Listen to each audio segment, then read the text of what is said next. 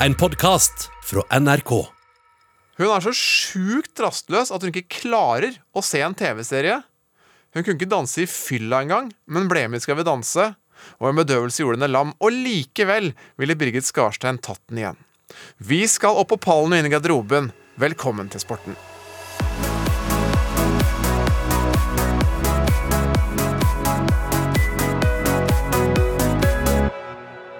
Altså, Nå er vi midt i en heftig VM-periode her. Det er alpint og skiskyting. Det har akkurat vært. Nå er det nordiske grener, og jeg, vet at Karina hun vil rate fotball-VM på toppen av dette her. Men etter det, da kommer VM på ski. Og derfor har Nina Løseth og jeg gitt henne vinterferie for å nigle på TV, eller Domboksen, da, som mamma og pappa sa. Og ikke minst passe på at lille Anna får altså vintersport inn med morsmelka, som vi ville sagt på Toten. Så derfor da er det Nina og meg og dagens gjest, Birgit Skarstein, som både er god i langrenn og roing. Hun er fra Levanger, så derfor sier det seg egentlig litt sjøl. Før vi snakker med en av Norges råeste idrettsutøvere, så må vi lade opp med pallen i trøndere. Opp på pallen og inn i garderoben. Det her er sporten. Og nå skal vi opp på pallen, og denne gangen skal vi ha pallen i trøndere. Mesdames et messieurs, médaillés de bronze, Ladies and gentlemen, the bronze medalist. Ja, vi starter på bånn, da, og da er det vel eh, Da, da er det din tur. Ja, altså vi starta, vi starta jo med den beste. Den beste, det skal ikke vi glemme. Ja, for du, du ser på det her som en konkurranse, du, fortsatt. Ja, jeg, jeg gjør jo det, egentlig. Ja. For målet er jo Målet med pallen er å ha bedre pall enn det. Ok. Ja, da ønsker jeg deg lykke til, og god bedring. Tusen takk.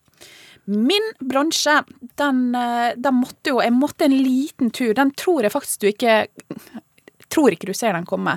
Måtte en liten tur innom alpinverden. Du skulle si Buskerud, jeg vel. Jeg holdt meg til Møre og Romsdal, siden jeg er fra Ålesund. Nei, vi er i Trøndelag fylke. Men vi skal til Oppdal. Oi, Oppdal. dette er mine favorittsteder. Oppdal alpint. Der tilbrakte jeg masse tid når jeg var ung. Så en av de beste minnene jeg har fra min barndom, er når vi var på Oppdal og deltok i Erik Hockeycup. Oi, oi, oi, oi, oi. Og det var sesongens høydepunkt. Så Erik Håker han får min bronseplass. Han var aktiv på 70-tallet eh, i alpint, da. Eh, og er, er den første norske alpinisten som vant et verdenscuprenn i alpint.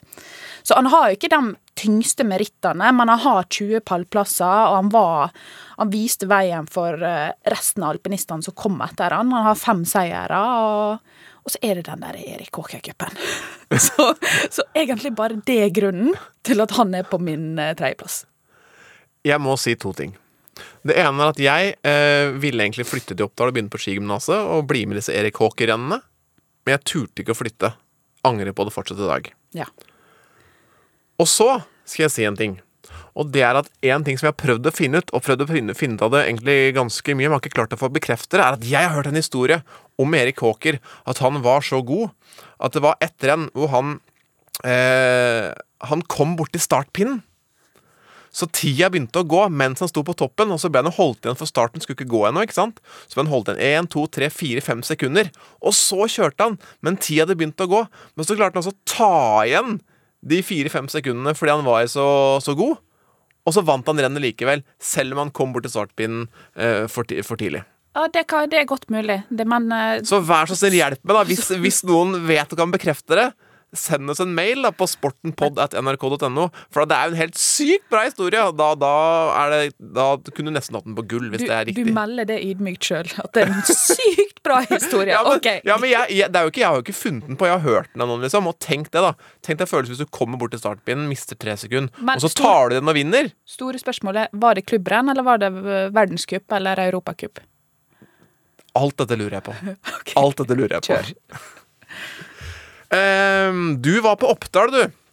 Da hopper jeg til Namdalseid. Til en utøver som ble kalt Dyret. For han hadde alltid, alltid beste langrennstid. Og det var det som var så spennende, og som gjør at jeg husker den fyren her så godt. Fordi det var så spennende, for han var nemlig en kråke til å hoppe på ski. Elendig! Han landa på kulen nesten hver gang. Og da skjønner du vi skal til kombinert. Det var masse å ta igjen, og dyret, Bård Jørgen Elden, han hadde alltid liksom tre minutter å ta igjen for å komme på pallen, som ikke var mulig for noen andre. Men for han så var det det. Så det var på en måte Når de kommenterte, så fulgte vi ja, det ligger han her, ligger Bredesen her på førsteplass og går der framme. Hva med Bård, da? Ja, han har tatt 20 plasser, han! Og tatt igjen. Så det var alltid så spennende. Men det gikk jo aldri, selvfølgelig. Den kom nesten aldri på ballen. Men til slutt, altså, 22. januar 1989, så klarte han det. Han tok sin eneste verdenscupseier. Hoppa litt lenger, og gikk selvfølgelig kjempefort og vant. Så han endte da opp med én verdenscupseier. Høydepunktet var riktignok det her. Det var lagkonkurransen for Norge i VM på ski 1989. Da var allerede gullet sikra, så han måtte gå ut eh, først. Og da kunne han bare gå og kose seg. Gikk som et dyr, gikk kanonfort. Og så gjorde han noe som endra kanskje all skisport for evig tid.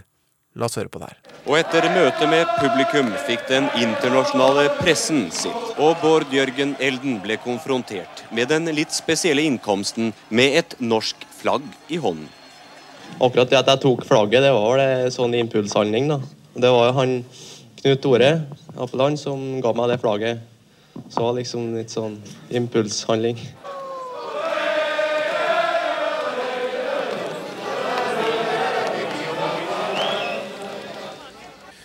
Ja, var det nødvendig å gjøre det så lite spennende?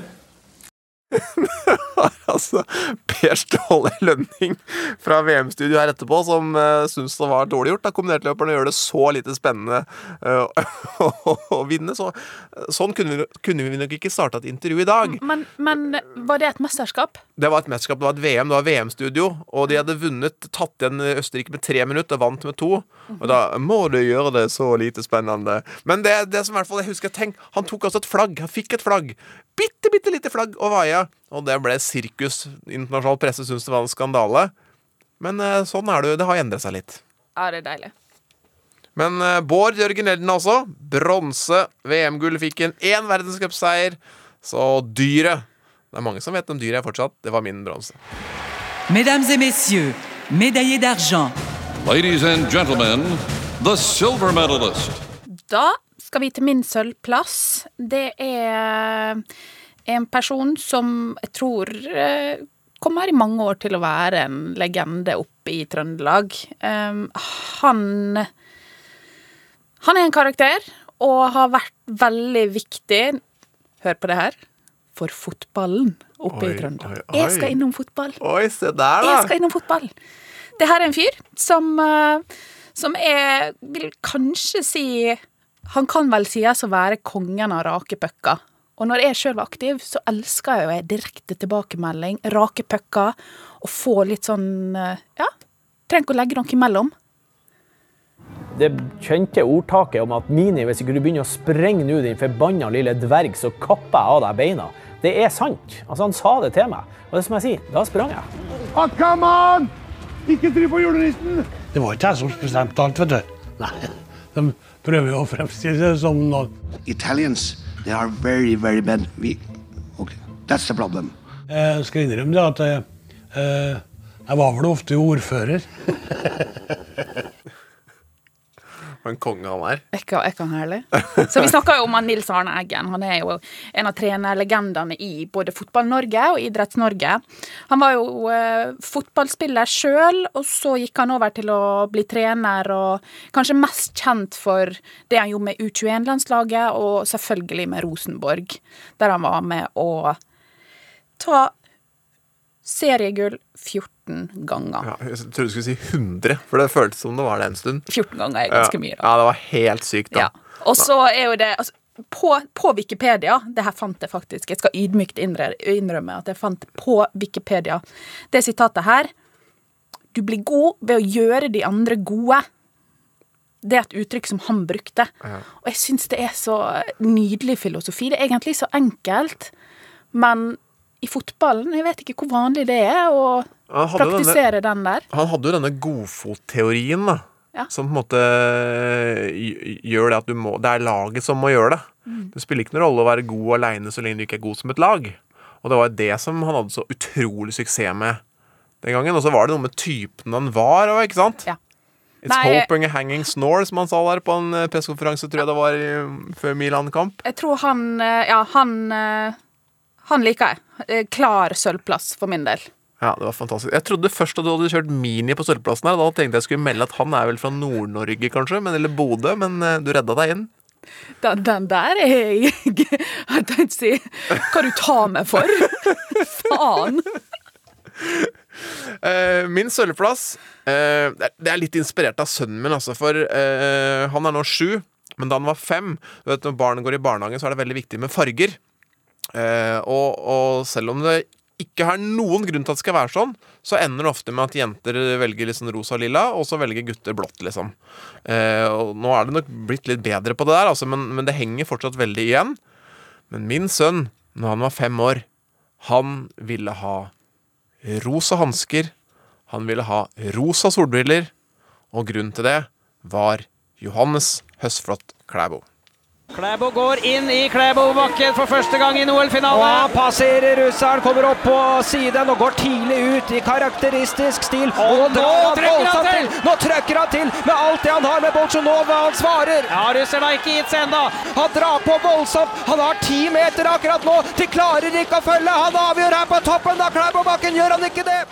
Stempel, og han innfrir så til de grader. Tar Klæbobakken og gjør det til sin egen avgjør og vinner i dette øyeblikk gullet foran Pellegrino, tror jeg, som var to centimeter foran Balsjunov. Men Klæbo er så overlegen.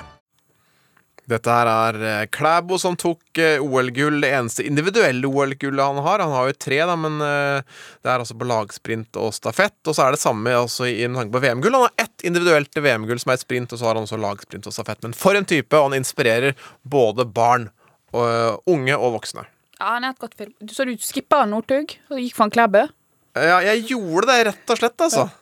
Eh, Og så tenkte jeg at uh, kanskje du hadde Northug på din gullplass? Kanskje. Kanskje ikke.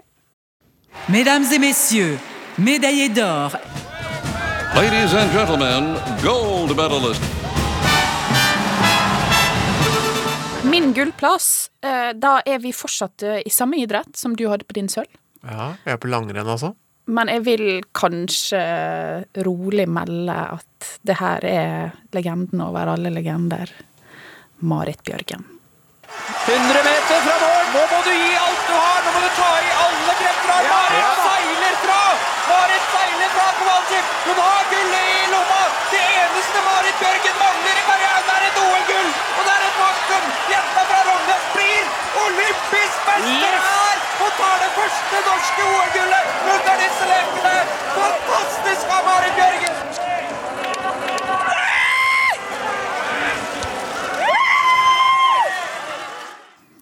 Så satt jeg og så på det klippet der i går, og satt, egentlig følte meg litt sånn og Jeg fikk litt tårer i øynene, og fikk frysninger på armene. Og det er, jo- vi har jo trent litt side om side på Olympiatoppen, og langrenn er kanskje ikke det som jeg følger mest med på, men jeg kom ikke utenom henne. Eh, Og det er egentlig ikke vits å si så veldig mye mer. og Hun har 41 medaljer fra OL og VM, 114 seire i verdenscupen.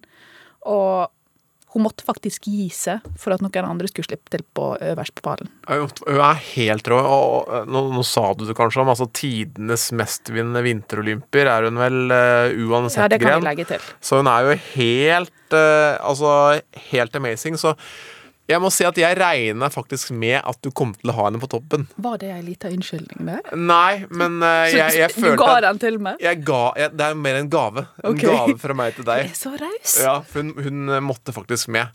Ja. Hun måtte faktisk med. Uh, hun, er, hun kommer til å stå eh, på den trona der i mange år fremover. Og så er det noe sånn da at dette er jo våre personlige paller, så nå, og, og folk blir blir sikkert irritert, og sikkert men her burde vi hatt noe annerledes. Hva med Northug, da, med sine 13 VM-gull og sine to OL-gull? Altså, han hadde selvfølgelig fortjent en plass på denne lista, Ja, Vi får se om du har både Klæbe og Northug. men på min gullplass så har jeg en kar som holdt meg våken en sommernatt i 1996. Det var 31. juli, og klokka var kvart over to på natta. Jeg lå og sov. Mine foreldre hadde sendt meg til Batölz i Tyskland for å lære å snakke tysk før det siste året på videregående. Sånn at jeg skulle, nei, nest siste året på videregående, sånn at jeg skulle få god standpunktkarakter i tysk. Det jeg var altså- fremoverlent. Det var fremoverlent. Så da hadde jeg altså vært hos denne familien i Batölz i en uke. Og hadde eh, et rom alene i det fjerde etasje, var et stort hus. Men på det rommet så var det en TV. Så når klokka var kvart over to, så ringte alarmen. Jeg var jæsla trøtt, selvfølgelig. Men jeg måtte opp, for jeg måtte følge med på en kar som var 23 år, som var fra Rennebu. Han hadde EM-sølv fra før, han hadde VM-bronse fra før. Og akkurat når klokka var fem over halv tre, da har han løpt 400 meter, og han er tredje sist i feltet. Og så kommer nå siste runden. Så kommer Vebjørn, sakte, men sikkert. Feltet tetter seg til. Han er oppe på en eh, tredjeplass i øyeblikket, Vebjørn Lodal. Passerer kenyanerne. Jeg tror dette er et perfekt opplegg for Vebjørn Lodal. For Johnny Gray er nemlig sliten. Det er han. Og kenyanerne kommer igjen, og Telles kommer igjen. Jeg er redd for Norberto Telles fra Cuba i rød bukse. Men Vebjørn tar teten ut på oppløpssiden. Og han drar fra. Så kjemper kenyanerne bak. Men dette må gå Norges vei. Det blir Norges første gullmedalje i friidrett siden 1956. Vebjørn Rodal på 1.42,59.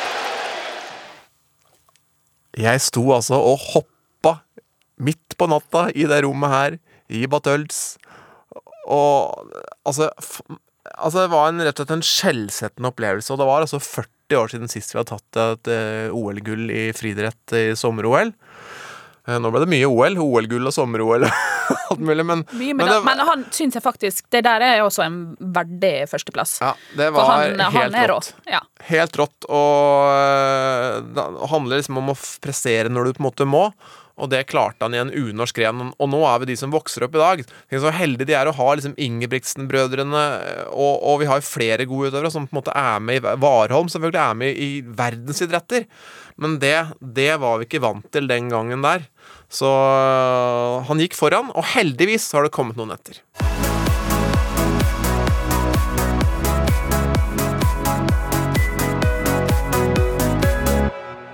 Nå har Birgit Louise Røkkum Skarstein endelig kommet inn i studio. Hun skulle komme inn klokka 11, kom 11.33, og da lurer jeg på en ting. Må ikke du starte med å henge ut gjesten vår? jo, fordi jeg snakka nemlig med landslagstrener i roing Johan Flodin i går. Og da sa han ja, altså hun multitasker en del, så hun legger ofte inn sånn telefonmøte ti minutter inn i treninga.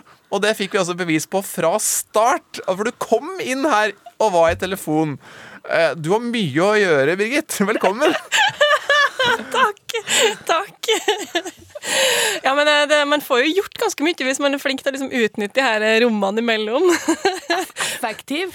Ja, ja, ja, ja. Men det er alltid idretten som er prioritert først, altså. Det er det. Det var det i dag òg. Det var derfor jeg var sein hit. For jeg kan prioritere idretten over, eh, over sporten, dessverre. Ja, og det var jo helt, var helt riktig, for det er jo toppidrettsutøver du på en måte er nå, og det er jo et Paralympics som kommer like rundt hjørnet. Det står altså i Wikipedia eh, om deg, da, eh, bare for å ta det helt enkelt. Norsk paralympisk idrettsutøver, samfunnsprofil og sosial entreprenør.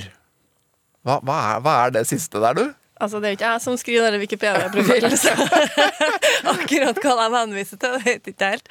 Men, eh, men jeg driver jo og prøver å dytte litt på samfunnet i forskjellige retninger støtt og stadig, da. Og komme opp med tiltak og eh, jobbe med organisasjoner og sånn som jeg mener at drar samfunnet i eh, riktig retning. Fordi at, Og det er jo veldig kult! Men det å holde på i Når du holder på med noen ting som blir lagt merke til, eller folk kikker på det, så kan man bruke det til noe positivt, da. Um, og noen ting som får litt mer nytte for flere enn bare at jeg skal fære og ta medaljer. Det er jo ikke nødvendigvis, eh, det er jo ikke nødvendigvis noe som gagner mange andre. Syns det var en veldig passende tittel. Ja, vel, ja veldig fint. Og, og det er jo det som på en måte er greia. For du, ok, du er idrettsutøver, og, og det tar jo egentlig all tiden for, for de fleste. Men allikevel så på en måte du har vært i bystyret, du har vært fast medlem av finanskomiteen i Oslo bystyre, medlem av utøverkomiteen i Den internasjonale paralympiske komité. Stiftelsen Vi har du vært med å starte og drive med. Fast medlem av Bioteknologirådet. Medlem av Skistyret. Altså, er det noe, er det noe mer vi skal føre på her, eller? Hvordan får du tid til alt dette her? Nei, altså jeg er jo en nerd. Det er jo det som skjer her. Det er jo fordi at eh, Jeg syns det her er like spennende som å sitte og se på Netflix. Det er jo å sitte og lese sakspapirer. Så lenge det er noe jeg syns er spennende. Som å døde Nina sånn som deg. Jeg føler, meg, jeg føler, meg, jeg føler liksom idrettskarrieren min kom litt til kort her. Det må jeg faktisk si. Men vi har jo mye tid, da, fordi at vi trener, ja, og så blir man jo Helt sliten enig. av det. Og da er det jo litt vanskelig å ha en sånn 9-4-jobb på si. Det går jo ikke. Men det å ha styreverv, for eksempel, eller det å være med å jobbe med organisasjoner, det kan man smette inn når det passer. Men det der med å kjenne på den Å måtte tørre å være egoistisk, det har vært veldig vanskelig. Det syns jeg.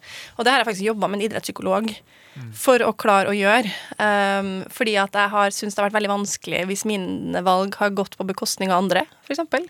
Uh, eller den satsinga, da, har uh, utfordra um, ja, altså man må, Når man være ego, da. Jeg, jeg syns ikke, synes ikke det er naturlig eller enkelt å, å være ego.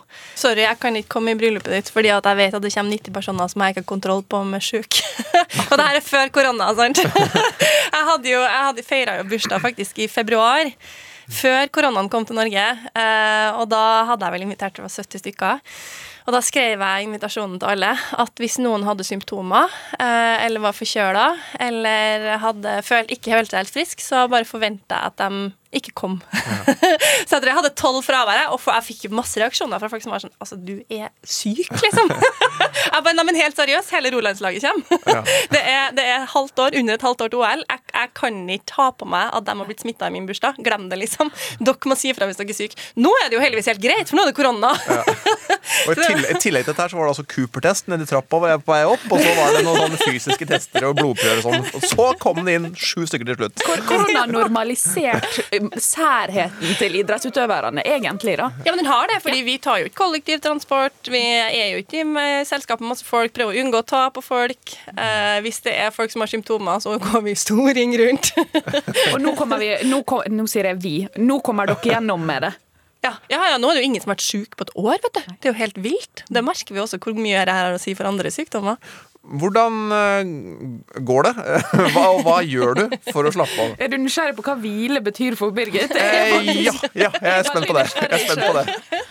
Nei, jeg har jo egentlig vært veldig dårlig til det, men nå, nå flytta jeg sammen med en venninne faktisk nå i november, og det tror jeg er det beste restitusjonstiltaket jeg har gjort i løpet av hele min karriere.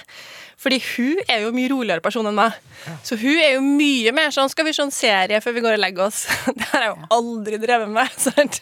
For det har jeg nemlig hørt. eh, hørt. Eh, Det med å se på en serie, går det bra for deg? Nei, Jeg jobber med saken. For, for, for, Nina, du ser på serier. Ja. Hva gjør du når du ser på serier? Da legger jeg meg godt tilbake. Kanskje Nå blir det jo da med litt potetgull ved siden av og litt sånn sprudlevann. Du nyter serien, rett og slett. Å, jeg nyter sånn. Ja. Slapp av. Birgit, hvordan ser du på serier? Har pleid å gjøre? Nei, altså Det jeg som regel gjør, og det gjør jeg jo for så vidt ennå, det er jo at jeg tar og henter Mac-en, og så sitter jeg og svarer på e-post. Eh, eller sitter jeg og, og loggfører kvitteringa. eller så svarer jeg opp meldinger som jeg ikke har rukket i løpet av dagen. For du, du har ikke klart du har bare sitte og se på serien, for det måtte ha føltes som bortkasta tid på et vis. Ja, jeg klarer jo å registrere over skjermen hva som skjer, så jeg får jo med meg poenget. Men jeg trenger ikke å se alle detaljene. Ja, for du er god på multitasking. Ja, det er jo helt speed. Her. Her må du bare, her må du bare lære, Karl Andreas. Ja. Men, her, det, men dette er faktisk noe som du da jobber med, da, og blitt litt flinkere nå, og kanskje klart å se en episode av noe? Ja, vet du hva, faktisk, i går kveld da strikker jeg, da, eh, samtidig, for jeg driver og strikker sokker. Ja, men det er innafor. Men det er, av, det er faktisk et av mine tiltak for å klare å sitte stille, er liksom å være produktiv og lage noen ting da, samtidig. og da klarte jeg å se, se to episoder av en sånn serie som jeg ser sammen med hun jeg bor sammen med. da. Det er veldig bra. Skal du ha en applaus for det? Eller? Det er jo helt utrolig. Mens jeg holdt med hælfelling. Det er din, det er din hverdagsseier. Yes! det er Når folk sier sånn derre Det er jo bare sitt sitte og se på Netflix, det er ikke noe problem. Så jeg sånn Hæ?! Det er kjempevanskelig! Kødder du med meg? Så det uttrykket Netflix og chill, det er ikke helt i ditt uh, vokabular. Nei, men, men jeg finner jo så mye glede og energi og driver med ting, jeg, da.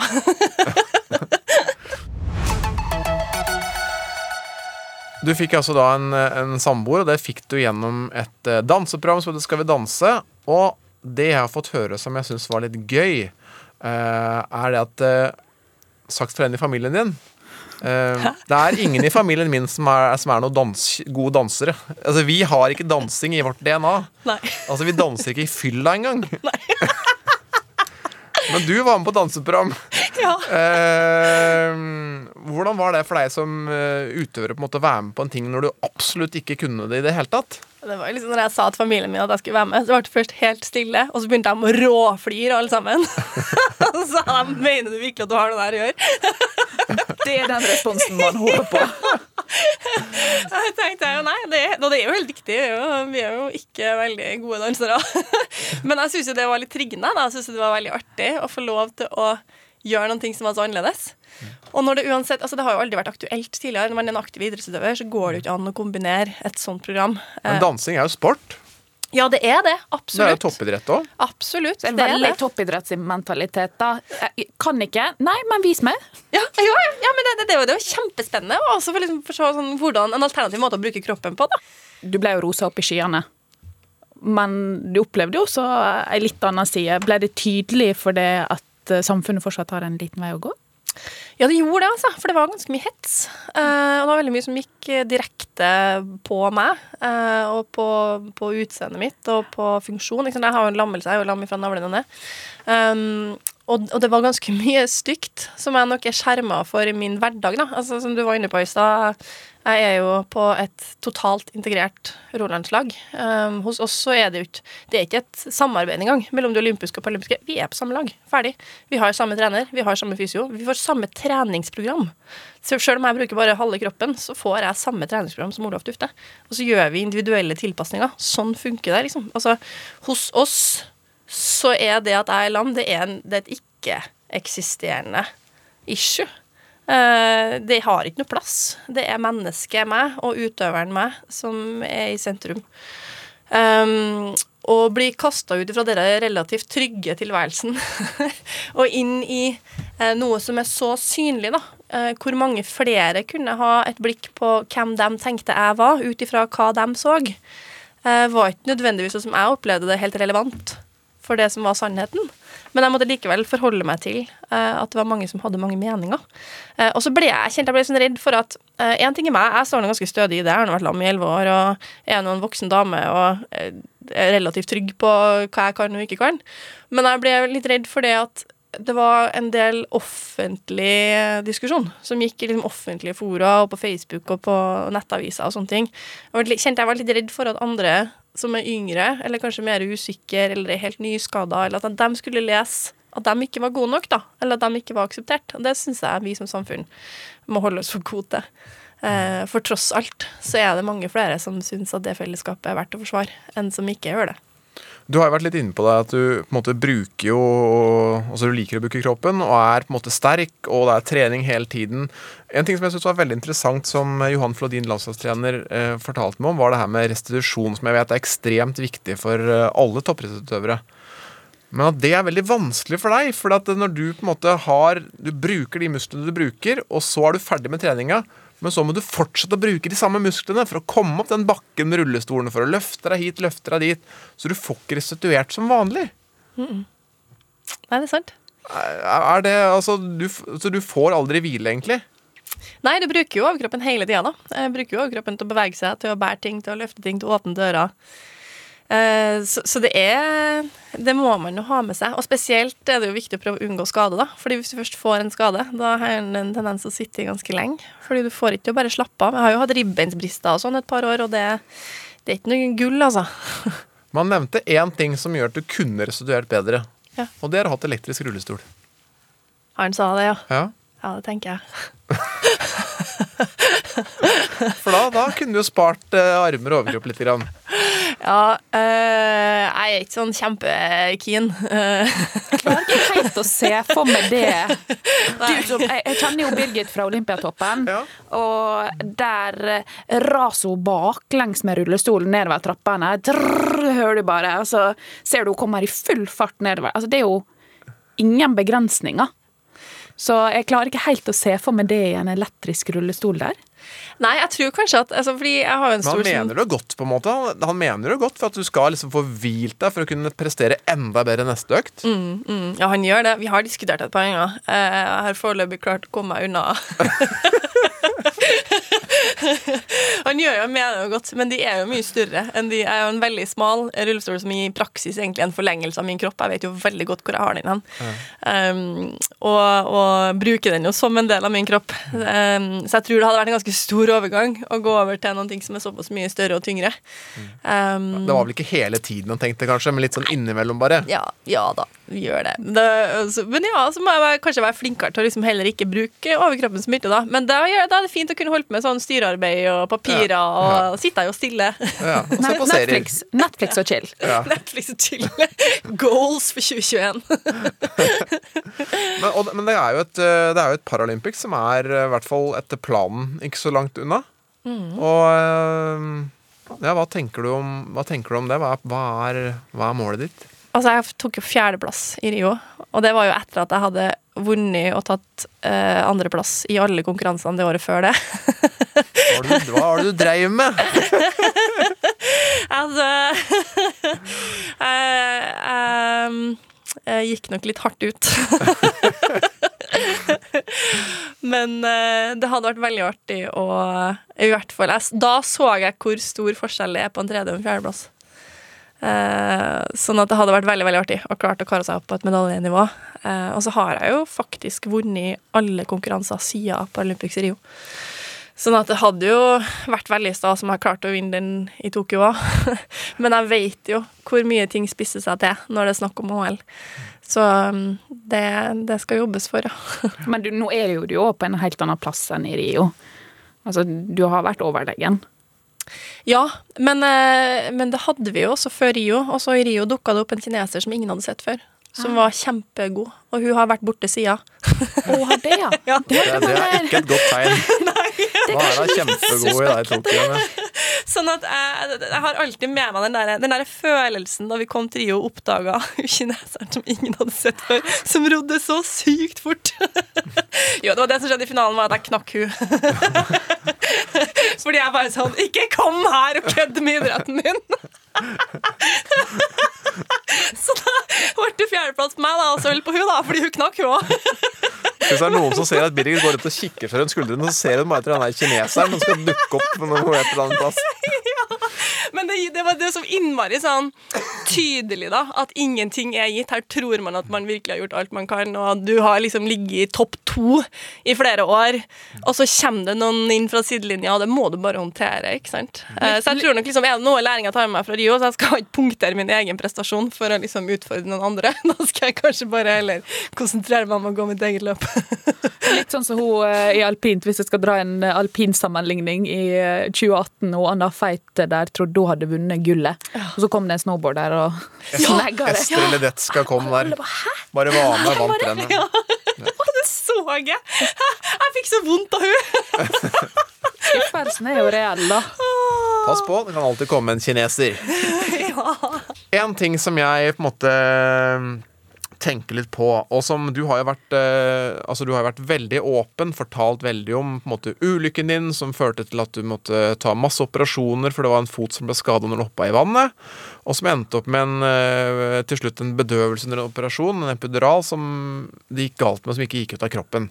Eh, Mista følelsen i beina dine, og til slutt så ble det også lam fra livet og ned nesten helt ut fra det historien som jeg har hørt, nesten helt fra starten, så på en måte klarte du å være liksom positiv likevel. Altså Når mora di kom inn på rommet og på en måte gråt, så hadde du hengt opp en lapp på veggen med, som, hvor det sto alle tingene du kunne gjøre, selv om du var lam. Det å, å klare å være så positiv, hvor mye måtte du jobbe med det, og hvor mye var det som bare kom sånn fordi du var, er som du er? Oi, det er et kjempevanskelig spørsmål.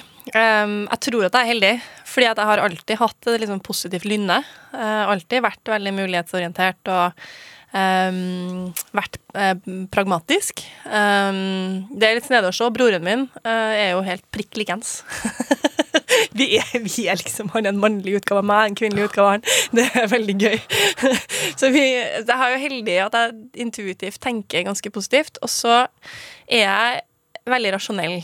Uh, og jeg er glad i å Egentlig kontroll. I den grad jeg kan ta kontroll. Eh, så prøver jeg jo å eh, ta inn over meg konsekvensen og realitetene. Eh, jeg lever nok ganske sånn jorda, kan du si, da. Som jo også for så vidt gjør meg til en god idrettsutøver, for at jeg kan ganske kjapt rette meg inn, eller ta kritikk, eller ta inn over meg virkeligheten for å se konsekvensene på hva jeg må gjøre da, for å komme dit jeg vil. Um, sånn at jeg, jeg så jo ikke noen grunn til å pakke meg inn, men jeg skjønte jo at det kom til å bli tøft. Du satte deg opp noen mål, og et av de målene var at du skulle tilbake til Blindern og drikke øl. Ja. Og så ble det Paralympics og toppidrettsutøver istedenfor, da. Var det lenge etter uh, operasjonen du bestemte deg for å satse på idrett?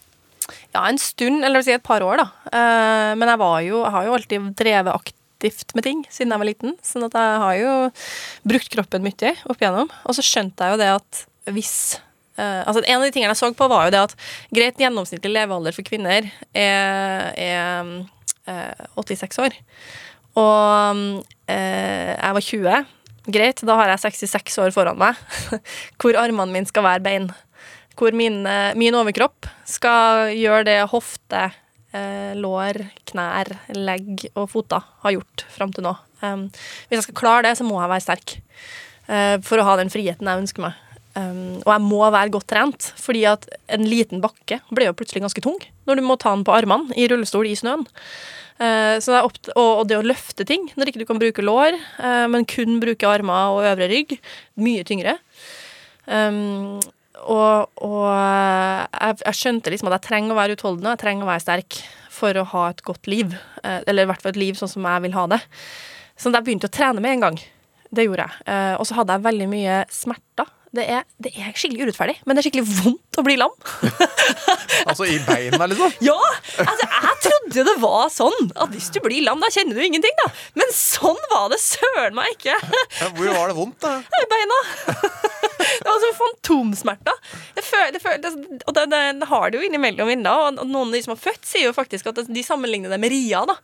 Du ligger med ria i beina. Så du skal ikke kjenne noe annet, men vondt skal du ha. Akkurat! Det er ikke urettferdig! Hæ? Når du først skal bli lam, skal du ha vondt i tillegg. Hæ?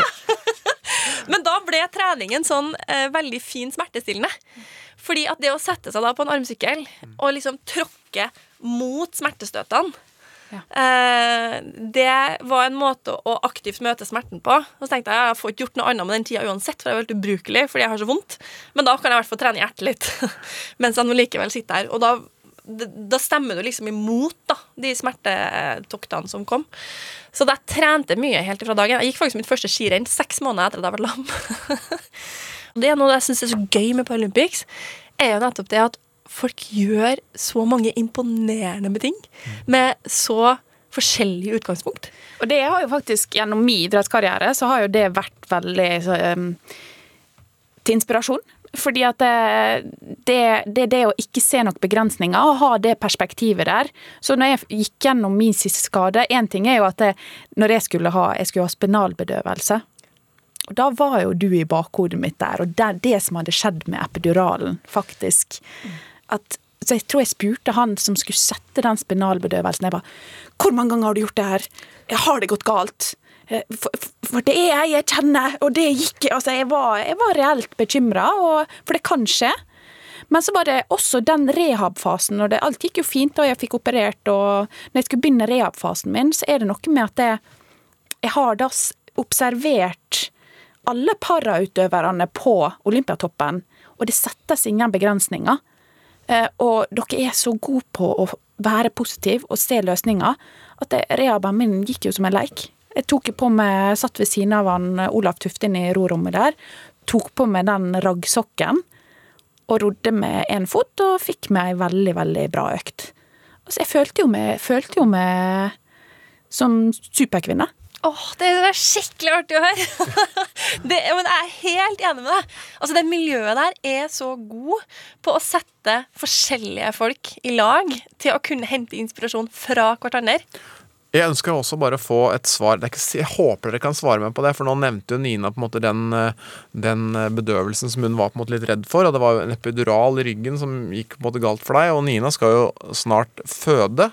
Og da er det jo stor sjanse for epidural. Det er mange der ute som hører på, som er kvinner og det, er veldig sjelden at det går galt med epidural. men Man skal ikke være bekymra for det. Nei, altså, jeg har egentlig prøvd å være litt sånn forsiktig med å snakke om det, fordi at um, eh, det, er en, det er ikke veldig sannsynlig at det skjer.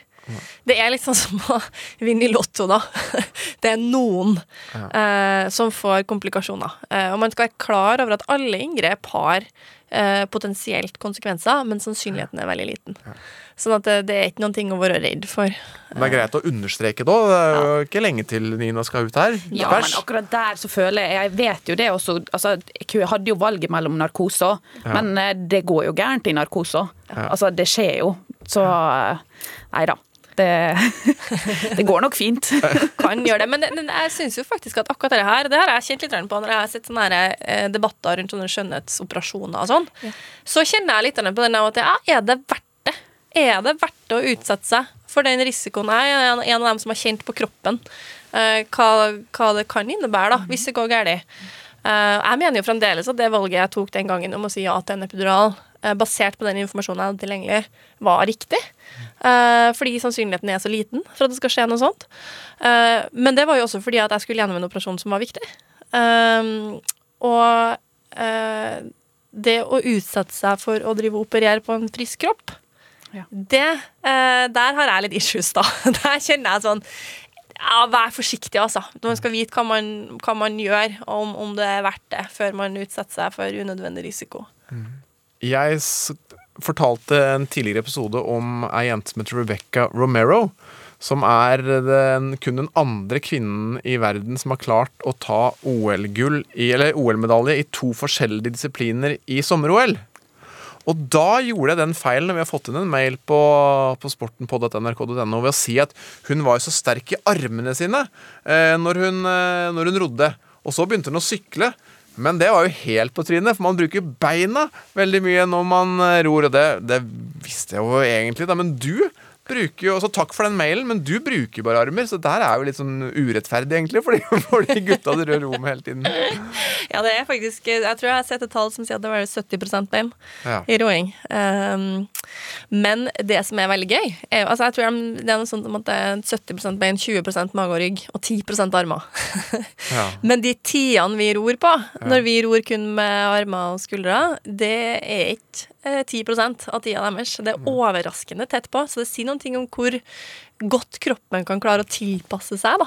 Eh, Det er ganske kult, syns jeg. Eh, Og vi er mye nærere i teknikk enn det man eh, kunne tenke seg. Eh, Vi har jo jobba masse med teknikk, og spesielt Johan Flodin, som er vår landslagstrener. Han er jo kåra til verdens beste trener eh, av Internasjonale Roforbundet, eh, og det, det er jeg helt enig i. Han er helt fantastisk dyktig, eh, både som lagbygger, men også teknisk. Vi har jo jobba masse med å utvikle pararoinga nærmere den vanlige roinga, da. Um, fordi det er ganske mange ting man kan få til hvis du har støtte på riktig plass, f.eks. Ja. Uh, det handler bare om hvordan man sitter og posisjoner og uh, Ja, det, det er overraskende mange likheter til å ha et så forskjellig fysisk utgangspunkt. Det er det definitivt. Birgit, du er en multitasker, har 100 millioner ting å gjøre hele tiden. Nå har du sittet og snakka med oss i ganske mange minutter her. Hva er det du brenner inne med nå som du må skal sette i gang med umiddelbart når du går ut herfra? Jeg skal faktisk få en, en evalueringssamtale på et styreverv. For, en, for ei superkvinne. Ja, og så har varme, varmetrening ført til blærekatarr, så der må du rydde opp litt. ja, og ut og hente noe antibiotika. Ja, så, du, du, så nå ligger du etter. Ja, men vet du hva, faktisk, en av de tingene som er litt av mitt, eh, mitt forsette i 2021, er nettopp å være enda flinkere til å slappe litt av. Um, og nå er det snart bare et halvt år igjen til OL, og da er vi veldig flinke egentlig til å skjerme. Eh, og noe av det som Jeg, tror at man kan bruke denne koronaperioden til å liksom hente med seg noen ting man har lyst til å ta med seg videre. Eh, og det å ha litt flere blanke dager, det har egentlig vært ganske deilig, så det skal jeg fortsette med. Eh, tusen takk for at du kom, og så syns jeg vi skal ha nå et felles mål som du kan på en måte altså, Det er ditt mål, da, men vi kan sette det opp her. Og det kan være at du i løpet av den uka som kommer nå, skal klare å se tre episoder uten å maile eller se på styrereferat eller noe annet. Var det, var det for hårete mål, jeg hadde tenkt å si at eh, Skal vi si to? Nei, jeg hadde tenkt å si én uten å strikke eller gjøre noe annet. Da. En, re, det- en det er helt, realistisk. helt ren episode. Er ikke det realistisk, da? Jo, det må jeg klare å få til. Og, og hvis du klarer det, så tror jeg jammen det blir medaljer i Paralympics også. Opp på pallen og inn i garderoben. Det her er sporten. Jeg kjenner jeg får så masse energi, og jeg blir litt inspirert til å gjøre noe ekstra når vi har gjester sånn som Birgit. Gjør det! Gjør det! Gjør det! Er bra gjest, ass. Ja, det var nydelig. det var nydelig. Men uh, hvordan vi skal komme oss videre herfra, da? Vi har vel Hør da, jeg, jeg har, jeg har ordna det, for vet du hva? Jeg vet hvilken, eh, hvor eh, Birgit er fra. OK. Vet du det? Om jeg vet det? Ja. Ja, hun er jo, det er jo dagens eh, tema. Hun er fra Trøndelag. Ja. Men hun vet ikke hvilket sted hun er fra. Mm, Jeg ser på deg at du egentlig vet at hun er fra Levanger. Levanger. Hun er fra Levanger.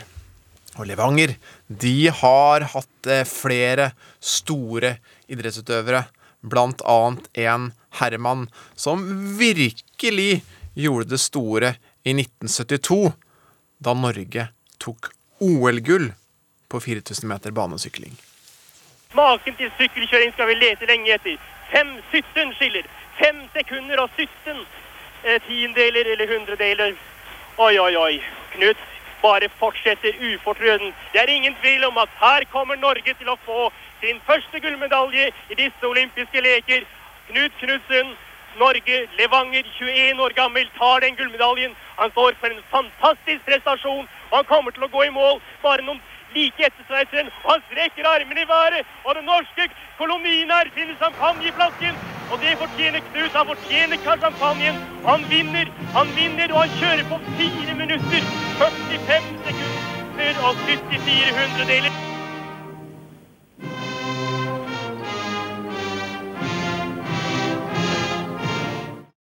Altså, det er på grensen at vi står i studio her nå, er ikke?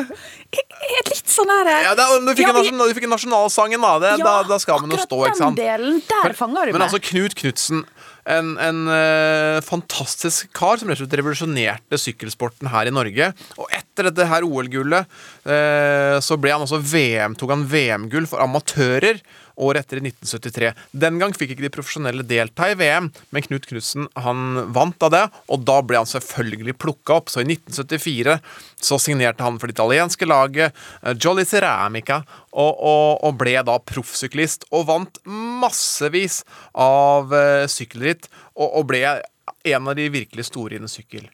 Men det jeg skal fortelle om, det skjedde året etter han signerte for det italienske laget. For da skulle du sykle et sykkelritt i Belgia. Og Belgia, når det er vårklassikere, da kan det være alt mulig slags vær. Det kan være vind, regn. Dette året så var det kaldt, så det snødde. Og de ble iskalde der de sykla. Og som endte opp med at nesten hele laget på Jolly Ceramica ble forkjøla. Men rittet var jo snart, ikke sant? Men den italienske legen han visste råd og delte ut en medisin som alle skulle bli bedre av, og ikke minst de skulle få puste bedre også. Så de tok medisin. Knut Knutsen var en ung herremann og fikk dette her, og, og, og, og deltok i rittet.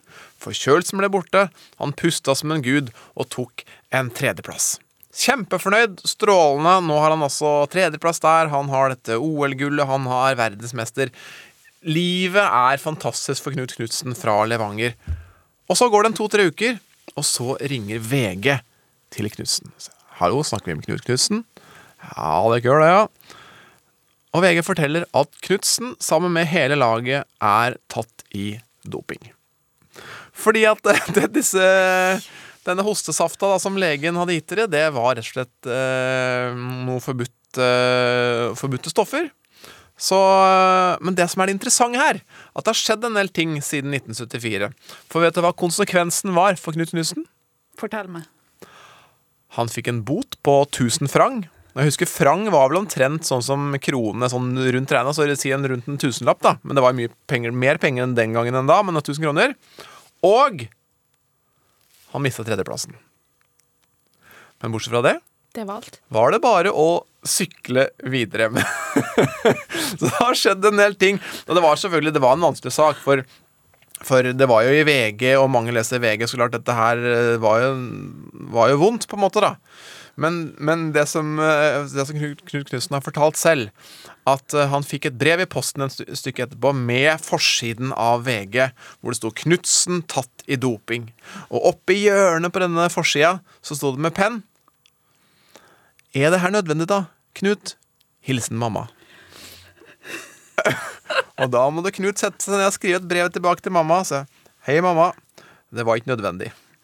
Og etter det så måtte han passe litt bedre på hva han fikk i seg. Stakkars Knut Knutsen.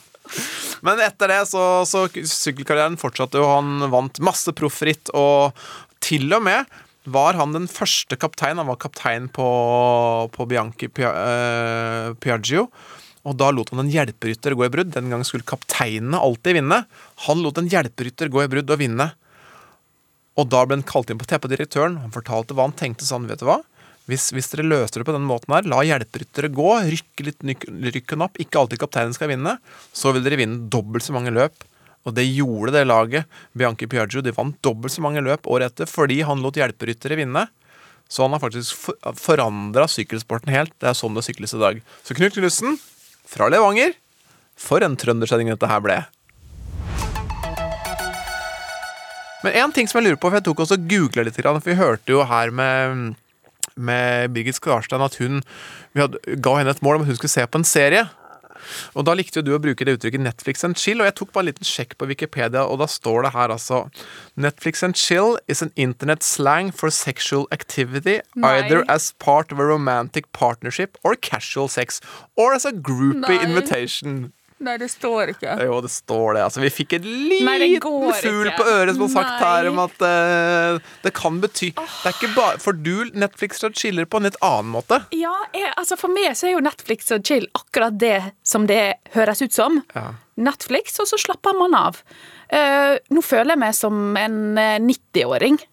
Jeg er blitt så gammel når jeg har bikka 30 at jeg ikke helt følger med på hva Netflix og chill egentlig betyr. Du er over, eh, du er over vippepunktet. Men visste du det? Jeg visste det selvfølgelig. Du lyver. Nei, jeg måtte få en liten fugl som måtte synge litt på i det ene øret mitt. Det er faktisk riktig, men jeg Jeg syns det ble enda morsommere når du har oppfordra både til Netflix og litt eh, casual sex her på slutten, her på tampen. Det er bra, det, for en uh, jeg vordende eh, mor. Oh. Friske seg til litt. jeg legger meg fullstendig flat for liker- akkurat det. Jeg, jeg, jeg er så glad for at du er her og er med på dette her. Men eh, vi skal eh, selvfølgelig si at eh, vår tekniske ansvarlig i dag Skal det bli noe sus på dette, her, så må vi ha Ida Larald Brenna. Det har vi hatt. Og så har produsent vært eh, Geir Elle. Og så nå, nå er liksom Friminutt-podkasten i gang igjen. Så bare, bare hør på den, da. Ja, den er nydelig. Ja, For noen råfolk, ass. Og vi, vi høres igjen om en uke. Ha det bra. Ha det! Du har hørt en podkast fra NRK. Hør flere podkaster og din favorittkanal i appen NRK Radio.